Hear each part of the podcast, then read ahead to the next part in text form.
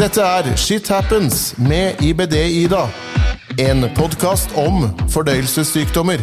I samarbeid med Takeda.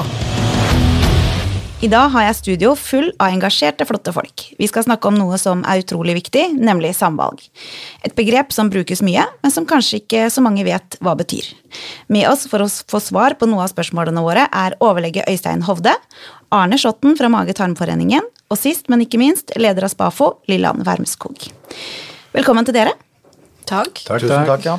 Vi tar en rask intro, sånn at vi liksom kan bli litt kjent med hvem dere er først. Øystein, starter med deg. Ja, Øystein Hovde heter jeg. Jeg er spesialist i indremedisin og fordøyelsessykdommer. Og jobber eh, på Gjøvik sykehus.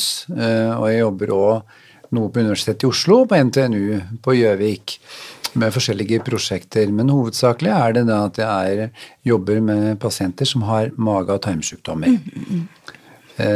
Av forskjellige typer, men òg Crohns sykdom og ulcerøs kolitt, som er hovedtema her i dag. Ja.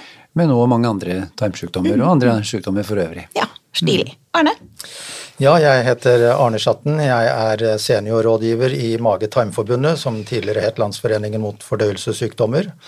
Vi har drøyt 5000 medlemmer hos oss, og vi representerer langt flere når vi ser på nettsiden vår.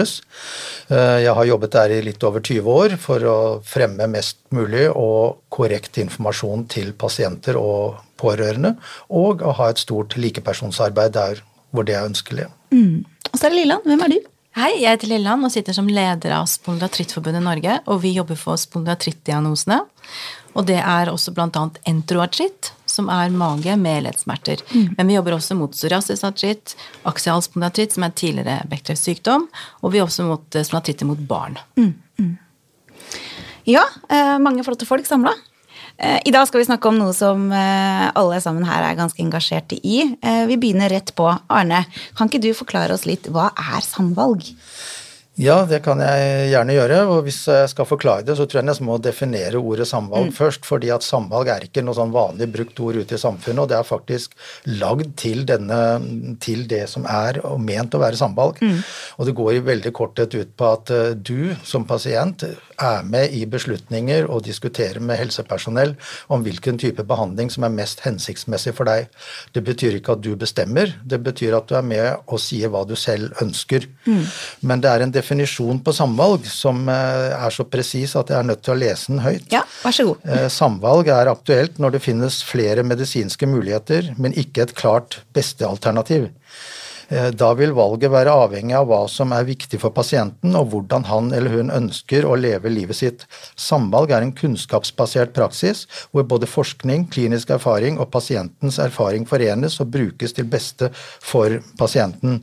Jeg kan ta et par små eksempler på hva undersøkelser viser om viktigheten av samvalget. Fordi at flere studier internasjonalt også viser at det blir mer fornøyde og bedre informerte pasienter, økt gjennomføring av påbegynt behandling, og til sist pasienter som er mer bevisst på hva som er viktig for dem. Mm. Så det ligger inne i ordet samvalg, som mm. altså er et konstruert ord for som nevnt. Mm. Og dette med samvalg det er jo faktisk lovbestemt rettighet. Eh, likevel så er det jo mange som ikke vet nok om det. Eh, Øystein, opplyser dere pasientene deres om dette med samvalg, eller er det noe som på en måte er litt sånn lagt over pasientenes skuldre?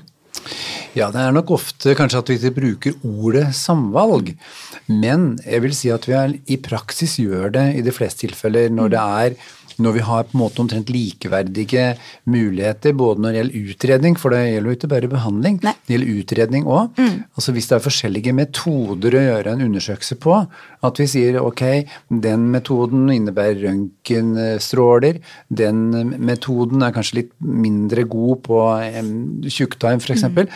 Eh, og når det gjelder behandling, altså medikamentell behandling, så er det noen eh, som innebærer sprøyter, mm. noen innebærer tabletter, mm. og noen innebærer at du møter opp på sykehus for å få behandlingen intravenøst. Og i slike tilfeller der, der eh, på en måte vi har muligheten for å gi helt fritt valg, for å si det slik, mm. Eh, så, så, må jeg si vi bruker samvalg, uten ja. at vi kanskje bruker ordet samvalg mm. så mye. Mm. Mm. Men at vi har et møte med pasienten og flere behandlere Eh, og sier, prøver å legge vekt på fordeler og ulemper med de forskjellige typer. da.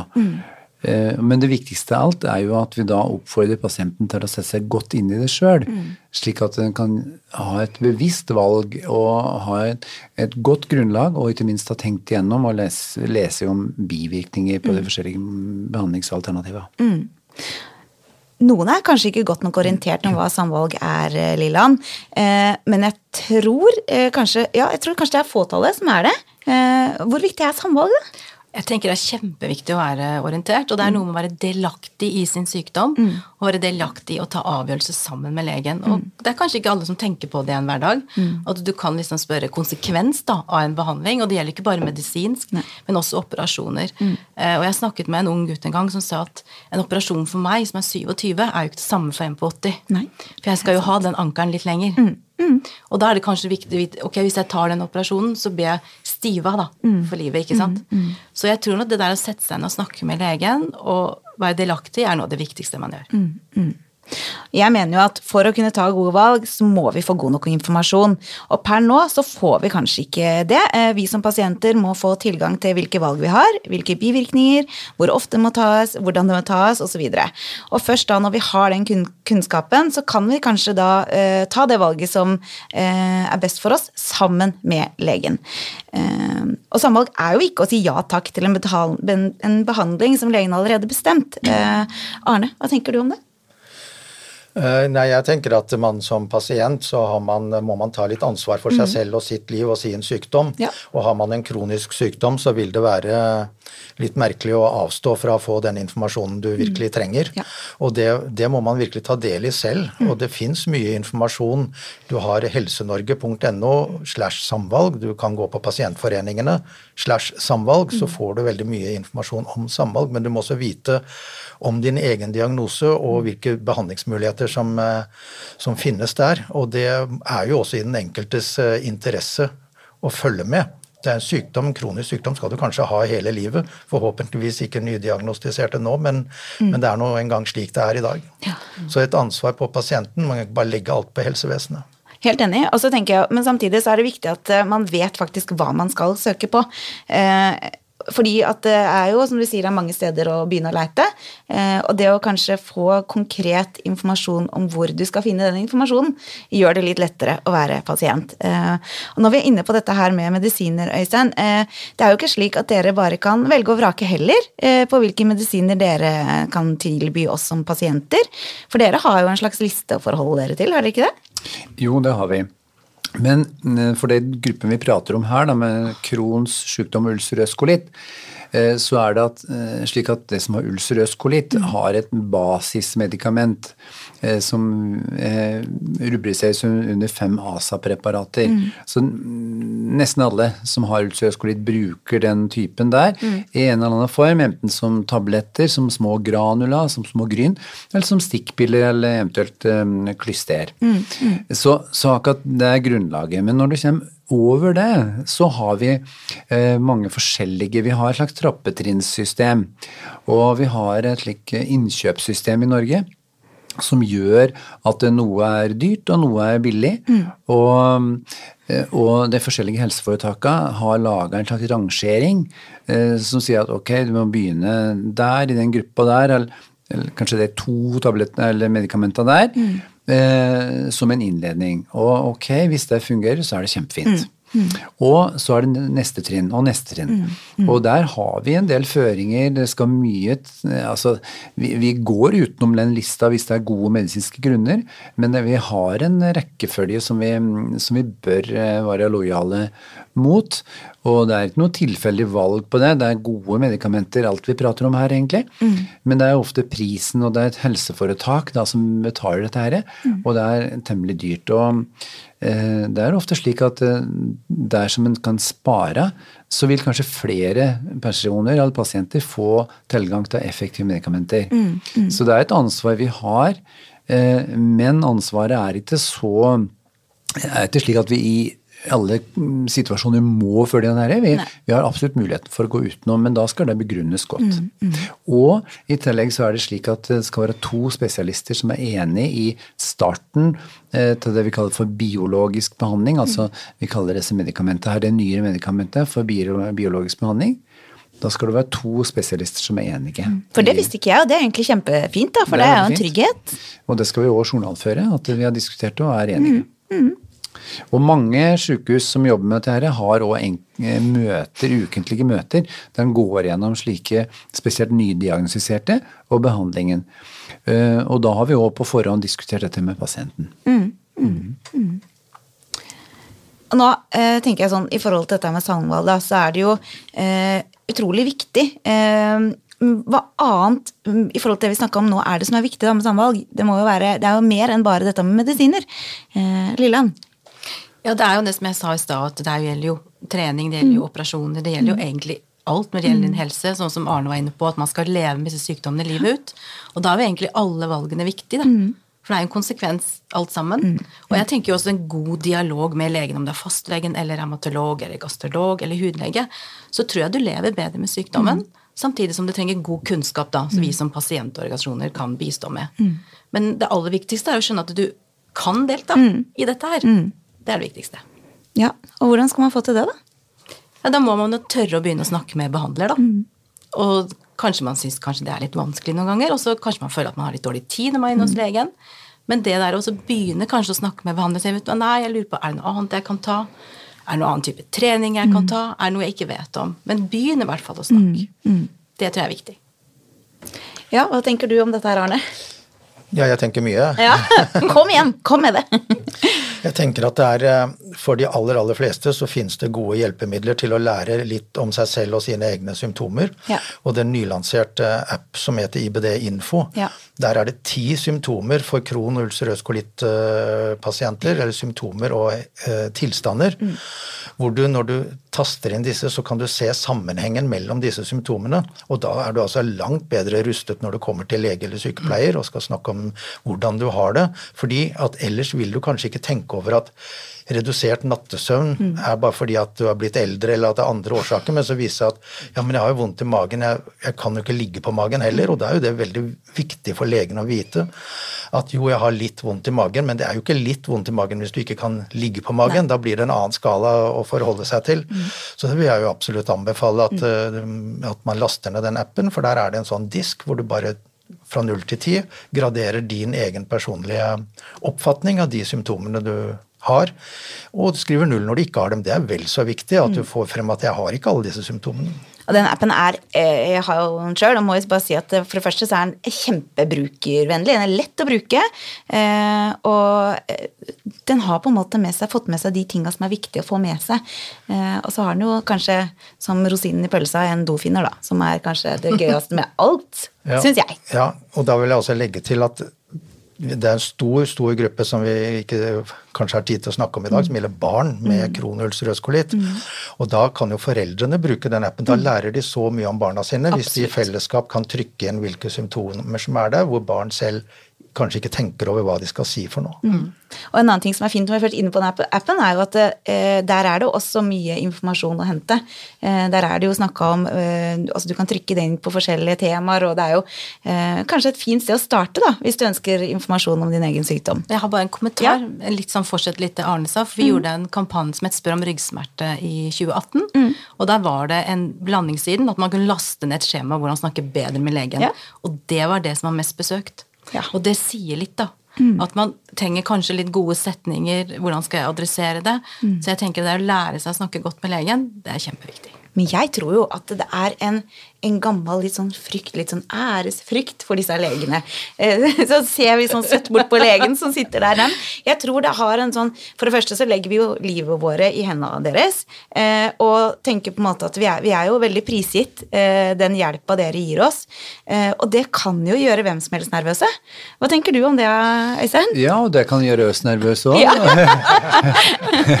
ja. For at det, og dette er noe jeg er veldig opptatt av, og at vi legger vekt på på vår avdeling, og sikkert på de aller, aller fleste avdelinger, at vi har en forpliktelse til å være godt orientert og gi våre pasienter det beste. Og ha muligheten for det beste, i hvert fall. Slik at vi ikke er, er på en måte heng et, ved at vi heller er på front, og at, vi, at vi skal på en måte være litt ledende. Eh, for at vi, vi, vi, har veldig lyst på å, å gi pasientene våre det aller, aller beste. Mm. Eh, når det gjelder dette med ærefrykt og slik, eh, jeg vet det, slik er det nå. Mm. Og, eh, og, det kan jo være bra til en viss grad, men ikke i den grad at en skal bli engstelig for å ta opp ting. Nei. Nei. Eh, men den kan være, som alle andre så kan den ha respekt for folk som har greie på ting. Ja, ja. Men, men, det er noe annet. Men å være redd for oss, det håper jeg er mindre og mindre utbredt nå, da. Mm.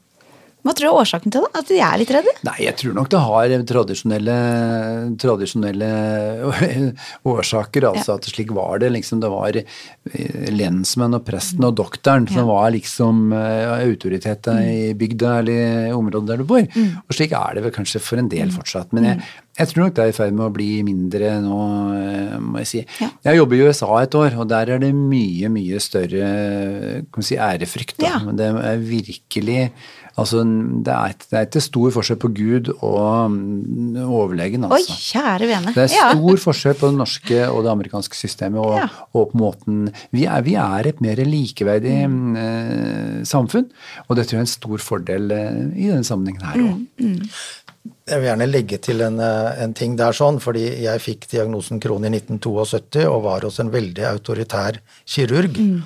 Og likevel fantes ikke ordet samvalg, men han tok meg med på avgjørelser likevel. Om det var veldig få medisiner å velge mellom, så foreslo han hele tiden en konservativ behandling i stedet for kirurgi, ja. og lurte på hva jeg mente om det. Og som 17-åring og eldre så var jeg jo veldig redd for det med mm. stomi og, osv. så videre. Da. Så, så stomi, altså pose på maven. og mm og er i ettertid veldig glad for at han drev samvalg, selv om han var den veldig autoritære. Du gjorde som han sa, men mm. Men det er det som liksom konsekvensen av livet, da. Ja. Og det tenker jeg liksom, når du er ung, mm. så er det veldig annerledes noen valg. Og da mm. tenker jeg det er så viktig å kunne ha en dialog før man tar det viktige mm. valget. Mm. Absolutt. Ja, nå har vi snakka en god del om hva eh, samvalg er, eh, og ikke minst da litt sånn i forhold til hva man kan eh, gjøre for å ta de valga. Men jeg tenker sånn, jeg, jeg føler liksom jeg må vite litt mer, fordi samvalg, sånn helt konkret, hvilke, hvilke, ting kan vi ta samvalg i? Vi er på medisiner, har vi snakka litt om. Vi har snakka om i forhold til behandling. Men, men, det finnes jo også i forhold til fysioterapi, f.eks. Må jo også være en, en ting. Ja, ja, eh, helt klart. Og det er jo sånn som spesielt da når du sliter med ledd, mm. ikke sant.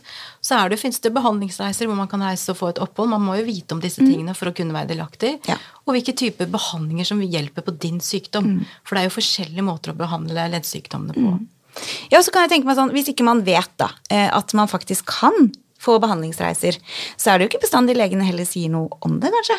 Så det er noe med at nettopp det å vite faktisk hva man kan ha rett til eh, når man er i en dialog med lege eller, eller helses, helsesekretær, eller altså hvem som helst. Mm. Um, Men da er det sånn som Arne var inne på i stad, at vi som pasientorganisasjoner har jo et ansvar ja. å gi god og trygg informasjon. Mm. Og, og, fortelle hva tilbudene er der mm. ute. Mm. Og, og, da tenker jeg at du tar jo bedre valg over egen helse med god informasjon. Ja. Ja, også i tillegg den erfaringsdeling som er i likepersonsarbeid, ja, litt, altså som ikke dreier seg om hvilke legemidler du skal ta, men som ja. dreier seg om hvordan lever du dagliglivet ja. ditt. Det er kanskje den aller viktigste. Ja, ja helt klart. Altså. Mm. Mm, og jeg tror nok også innen samvalg at vi vet jo også fra et mm, prosjekt vi også hadde med mm, psykolog, psykologtjeneste på en uh, telefon, den ble veldig, veldig mye brukt, mm. at det er behov for psykologtjenester. Og det samme naturlig nok når du har noe i Mavet Times, så er uh, klinisk ernæringsfysiolog også noe man mm ønsker å få en samtale, men det holder kanskje med en time eller to, og så, og så har man forstått uh, sammenhengen med litt trange partier i tarmen og fiber, mm, uten ja, ja. å måtte oppdage det selv. Mm. Ja, og der tenker jeg sånn som det med likepersonstjenesten, så er det jo viktig som bare det også hvis man bare, Du kan spørre alt, det er jo så lavterskeltilbud. Mm. Så hvis man er i tvil, så snakk med den, og kanskje du får noen råd på veien, eller kanskje du blir litt tøffere neste gang du tør å mm. spørre om ting, da. Mm. Men det å snakke med en likeperson, det er utrolig viktig. Mm. Ja, Øystein? Ja, og dette har vi brukt en del. Det er jo færre og færre pasienter med ulcerøs kolitt som blir operert nå. Men allikevel, noen er det fortsatt òg, og særlig yngre pasienter eh, kan det være en veldig vanskelig beslutning å ta. Både for oss som på en måte skal prøve å eh, kanskje forhindre at uh, tjukktarmen blir borte, men òg for den som innser at nå har vi prøvd alle muligheter som fins, og det, dessverre hos deg så, så ender det opp med det. Og da har vi hatt en liten mengde, eller ikke noe stort antall i hele tatt, men eh, pasienter som har gjennomgått dette, og som sier neste gang, hvis det er noen, bare ring meg, Ja. så kan jeg prate med dem. Og det har vært en veldig god hjelp. Og ser at livet kan gå videre sjøl med posa på magen, eller, um, og kan jobbe med manuelle yrker og, og få gjort alt som en skal, eh, på en god måte. Sjøl om det ender opp med eh, å mangle tjukktarm. Jeg er jo ikke i tvil i verden om at eh, det å bruke pasient, altså andre kroni, fra kroniker til kroniker, den der, eh, det taleråret der, den kan være eh, uvurderlig viktig, og spesielt som nydiagnostisert, fordi du sitter med så mange spørsmål, eh, og eh, legens erfaringer, eller legens ord, betyr mye. Men å høre en annens kronikers erfaring som på en måte kan sitte og fortelle 'jeg vet akkurat hva du snakker om nå', det kan være forskjell på å virkelig eh, forstå litt om en ting, eller det å forstå alt. Det er, ja. Og i hvert fall hvis du har akkurat fått en diagnose, da. Og uansett om det er ledd, mage, tarm, hud. Det der å liksom Å, gud, man er kanskje livredd. Liksom, Nå skal jeg ha dette her resten av livet. Og møte noen som har levd en stund med det. Det tror jeg er kjempeviktig. ja. Ja, det er også viktig da at um, man skal ikke være redd for å ringe en pasientforening og snakke med en likeperson, for en likeperson, altså en som har samme eh, diagnose som det du har selv, er også skolert i den oppgaven å være like person og vet hva han ikke skal snakke om, og vet hvordan man skal gi råd videre. og de, i, vårt tilfelle så blir det jo veldig mange som får beskjed om at dette må du ringe og snakke med legen din om. Og det er jo også veldig viktig. at man, eh, Ja, ja. Fordi Ja, mange som kanskje nøler med å ringe legen, tenker oi, da en tredjeperson har sagt du, jeg har snakket med pasientforeningen, og de sa jeg må ringe. Og da, da er det straks mye lettere å, å gjøre det. For vi får ganske mange tunge telefoner inn, så vi har hver sjette-syvende uke evaluerer en evaluering på hva vi har fått inn på den likepersonstelefonen vår. Sånn at vi blir bedre og kan støtte opp. og Ja, de er jo skolerte, og de er jo kursa, og de vet jo akkurat hva de ikke kan snakke om. Det er jo blant annet medisiner. Men det er jo noe med at de kan også si at ok, du må snakke med behandler, da. Ikke sant? Og Ja, noen ganger er det kanskje Ja. akkurat det man trenger. Ja, at du, men du må faktisk snakke med behandleren din om hvis du har det sånn på den måten her. Ja, Øystein, vær så god. Eh, Vi har òg erfaring kanskje de siste 15 åra med å bruke Altså en gang i året så arrangerer vi møte som går over to dager. En, en slags skole, vi kaller det for IBD-skole. IBD står for betennelsessykdommer i tarmen. Det er et engelsk ord, egentlig. Altså betennelsessykdommer i tarmen. Og da inviterer vi alle som har fått diagnosen det siste året. Og har da to dager der vi har representanter fra Nav, pasientorganisasjoner, ernæringsfysiologer, leger, sykepleiere. Alle, og ikke minst likepersoner. Og, og det har vi hatt så stor glede av. Altså, vi har, det er den ene ting, men pasienter syns at det er veldig, Klart ja. veldig fornuftig. Og, og vi får henvendelser fra andre områder som mangler det tilbudet. For det er akkurat det jeg skulle si. For dette her er ikke over hele Norge. Nei. Og det er jo søren meg på tide. For det jeg mener at det du snakker om der, det er ting som eh, jeg personlig mener burde vært en eh, Altså, det burde vært en obligatorisk ting. Nesten noe du absolutt måtte være med på, både du som syk og de nærmeste pårørende. For det der er uvurderlig. Mm. jeg trodde jo sjøl at når jeg ble syk, så trodde jeg at livet mitt kom til å bli sånn som de var de første tre åra. Og da lå jeg, da kunne ikke jeg gjøre annet. Altså, jeg klarte ikke å greie mitt eget hår. Jeg lå pal. Og det er ganske fælt å tenke på nå som jeg sitter her i dag, at jeg trodde livet mitt skulle bli sånn. Eh, og når ikke du får noe annen kunnskap, så tror du det, da. Ja. Men dette har vi en gang om høsten. Vi skal snart ha den nå. Ja, fy søren, det er kjempebra. Ja. Det var veldig bra at du tok opp det, Øystein. fordi det er veldig mange sykehus som har IBD-skole på lærings- og mestringssentrene, men ikke alle. Og det har vi også prøvd å få en overblikk og, og pushe litt på de sykehusene som enda ikke har kommet i gang. For det er så det er nærmest uvurderlig Ja. viktig, dette. For nydiagnostisert å få delta i en gruppe på kanskje tolv personer, og også selv tør å ta ordet 12-20 personer, er vel stort sett i de gruppene. Ja. Og da kan de lytte til hva de andre sier, lytte til hva legen sier, og så lytte til de spørsmål som blir stilt hvis man ikke ønsker å si noe selv. Så det har vi fått så mye fine tilbakemeldinger om, at uh, hvor viktig dette er. Så vi har også deltatt på mange av dem da, fra foreningens side. Ja, eh, altså LMF som det heter før, ja, nå Mage Tarmforbundet, har vi jo med på alle møter. Ja. Det er kjempeviktig. Ja. Eh, og så er dere jo også heldigvis vil jeg si, blitt flinkere med årene til å se hele kroppen. Dette her med å ikke bare tenke mage- og tarmsykdom og stoppe der, men også tenke å koble på psykolog, koble på ernæringsfysiolog og faktisk se hele mennesket. Eh, for det også vil jeg jo si er kjempeviktig, for når du blir syk, så stopper jo livet ditt. Eh, det får jo plutselig en helt ny vending, og du må lære deg å leve livet litt på nytt. Og det er klart at eh, psykisk sett så er det beintøft, det. Og noen ganger så trenger man faktisk litt hjelp. Og dette her med oss med mage- og tarmsykdommer og mat, det er jo en evig karusell. For det du liker, også kan tåle denne måneden, kan du kanskje ikke tåle neste måned. Eh, Og noen ganger så er det trygt og godt å ha noen som du kan snakke med. Ja. Og noen ganger er det jo langt mer omfattende enn disse temaene her, fordi det fins ganske mange, det har jeg selvfølgelig ikke noe tall på det, men som velger å ikke gå ut. De blir sittende hjemme, og jeg har mange eksempler på det. Og det er ikke sånn at du altså Påstanden du kan ikke reise på ferie hvis du har kron. Du kan ikke gå ut hjemmefra fordi det er, det er vei til og fra skole. Jeg forstår at det er veldig vanskelig, men da må man finne andre løsninger. Og, og så er det det at eh, når de fleste kan leve et normalt godt liv, så må de som ikke gjør det, også Prøv. tenke litt Ja. over det. Altså, altså, ring pasientforeningen, eller snakk med legen hvis det ikke har god nok effekt av den behandlingen du får. For ofte så fins det jo løsninger. Det fins jo ofte en, en løsning på et problem, men en må jo være villig til å prøve å få, finne den løsninga. Eh, og med hjelp med leger og folk rundt der, så bør det være mulig. Og så må vi snakke om noe som er litt viktig, da. For det er nemlig dette her med biotilsvarende bytte. Det er jo en viktig ting å snakke om. Eh, først, hva er egentlig biotilsvarende bytte, legen vår, Øystein? Ja, altså innen de forskjellige legemidler vi prater om her, så fins det da eh, altså et originalpreparat. Eh, også etter en viss tid så går den patenten ut, slik at andre firmaer kan lage et medikament som er helt eller nesten helt likt. Og hvis det er nesten helt likt, så kaller vi, kaller vi for biotilsvarende eh, medikamenter. Eh, og felles for disse herre er at det ofte er eh, for de som skal kjøpe det inn, altså helseforetaket, mye billigere. Ja.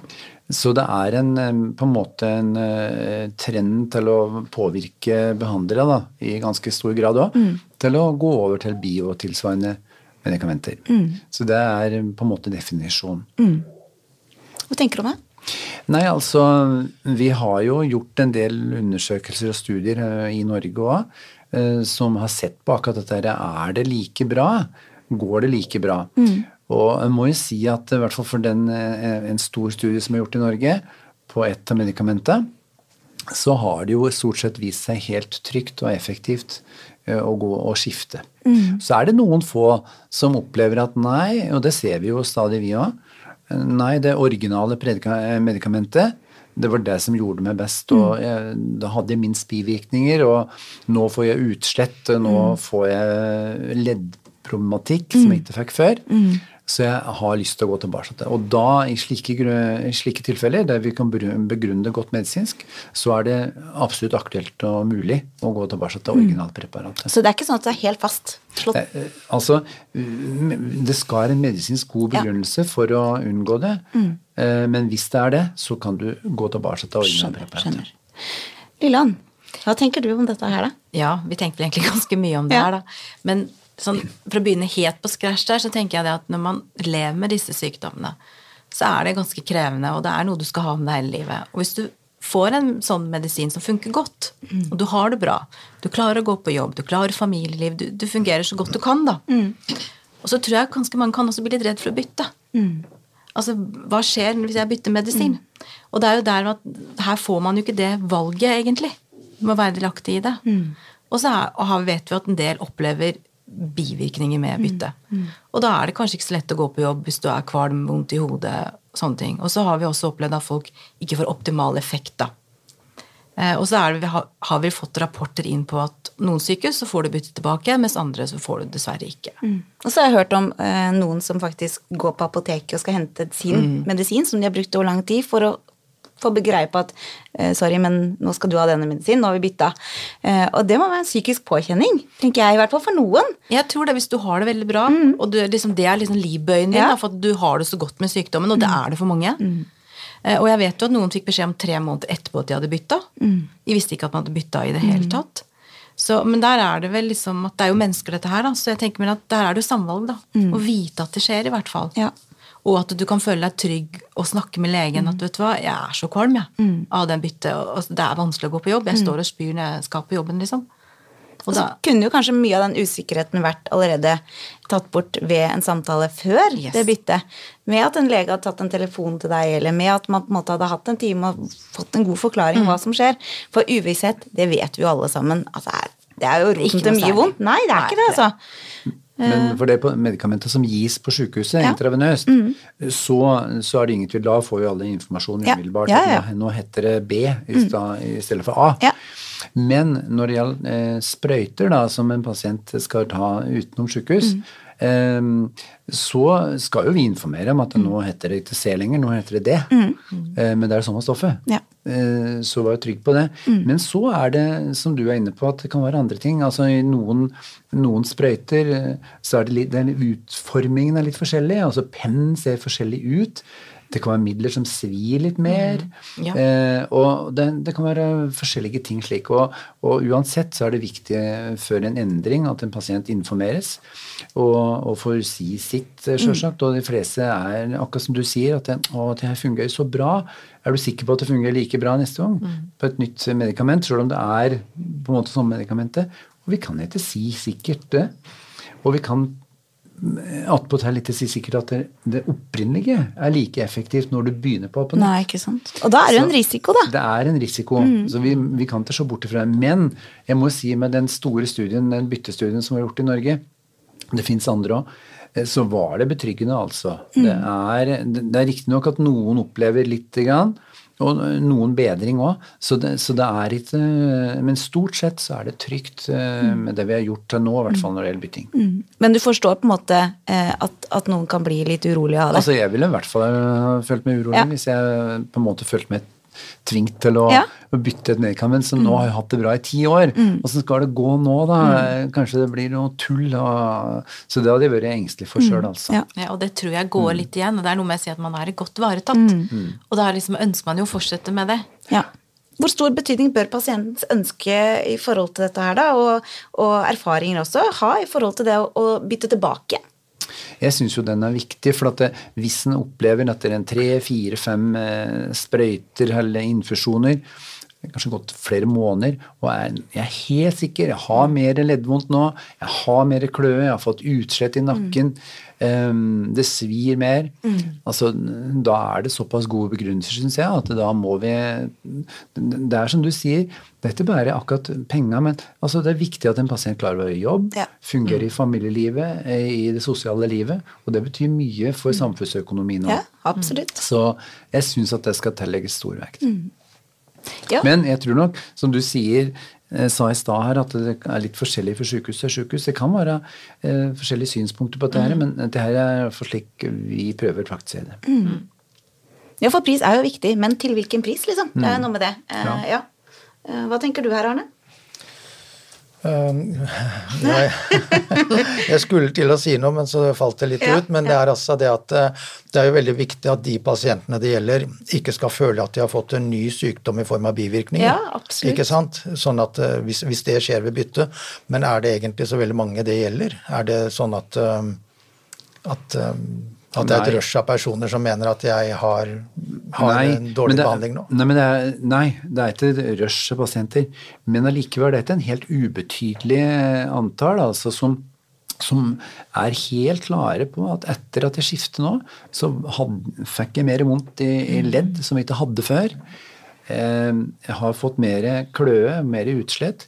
Det er, det er tydelig altså at det er litt forskjellige bivirkningsprofiler. Altså. Men det er ikke noe stort rush. Det er- ikke slik at det er 50% altså. Nei, nei. på ingen måte.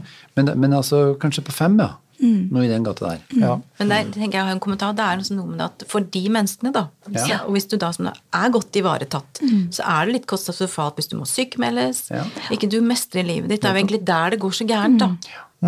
Fordi for noen mennesker så er det et nytt liv med den type medisin. Men da ser man jo for de fem prosentene også hvor viktig det er med dette ordet samvalg. At man sier fra. Ja, det er kjempeviktig. Og så har jeg også jeg har hørt dette her med hvor du bor, er jo også en, en, en greie, fordi eh, Altså, medisinen du blir tilbudt er litt forskjell fra sted til sted, så det har jo også en betydning.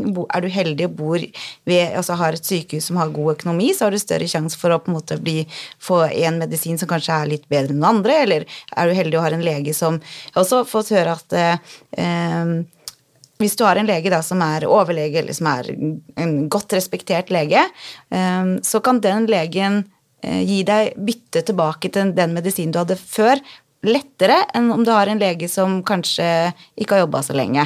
Dette her er ting som bare blir sagt, men eh, jeg tenker at det er litt trist at det skal være litt sånn eh, at du er enten heldig med det sykehuset der, eller at du er heldig med den og den legen. Har dere hørt noe om dette her? Ja, men det er jo vanskelig for oss å vurdere at er det som blir sagt riktig, Sant. fordi at den medisinske vurderingen kjenner jo ikke vi Nei. til. Det er jo ikke sikkert det er en økonomisk vurdering alltid, eller at det er det i det hele tatt. Nei, det er helt sant. Mm. Og det er, vi vet jo at det er geografiske forskjeller i vårt land, både på å sette diagnose også, og noen ganger kan det være tilfeldig hvem du møter Mm. Ja. på, ikke sant.